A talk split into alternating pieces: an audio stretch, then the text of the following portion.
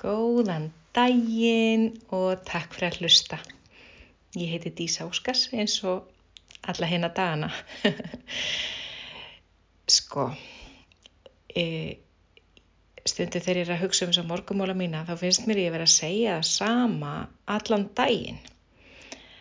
Nei, þá finnst mér ég verið að segja það sama alla daga.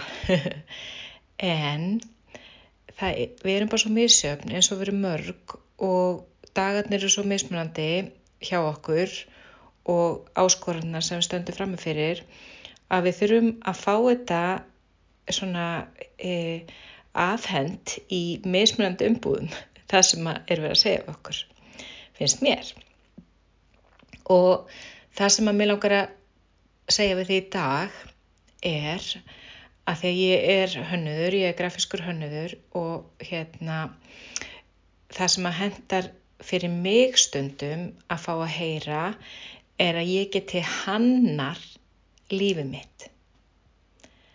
Þegar ég heyrði þetta fyrst mann ég að ég, ég hugsaði bara já, wow, ég má bara hanna lífið mitt. Auðvitað er það að sama og skapa lífið sitt eða að, að teikna upp lífið sitt eða um, að sjá fyrir sér en hvernig finnst ég best að heyra þetta? Að því að persónlega ég veit að lífi gerist og allt þar en ef maður sér þetta ekki fyrir sér og maður hannar það ekki og hugsa það sjálfur þá svo hættir það einhver annar fara að gera það fyrir mann. Nefnilega. Þannig að þú ert hönnuðurinn á þínu lífi og kvikmyndalegstjórin eða, eða sögum að, nei hérna rítöfundurinn eða hvernig, hvað sem þér finnst best að segja. Og í dag ætlum ég að tala um þetta, að þú ert þess að hönnurinn á þínu lífi. Hvernig sér það fyrir þér? Hvernig sér þau lífið þitt fyrir þér?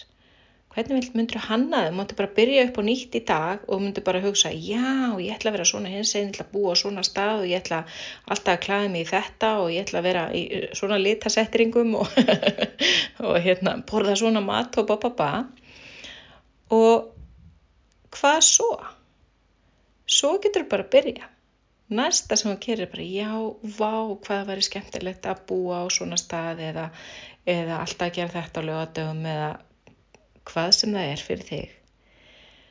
Svo skaltu fara að framkama. Þegar þú ert búin að hanna, þá skaltu fara að framkama bara einn lítinn hlut. Og svo getur vel verið að líðið sé bara nákvæmlega eins og þú vilt hafa það í þennu hönnun sko. Þannig að það er þá bara frábært líka.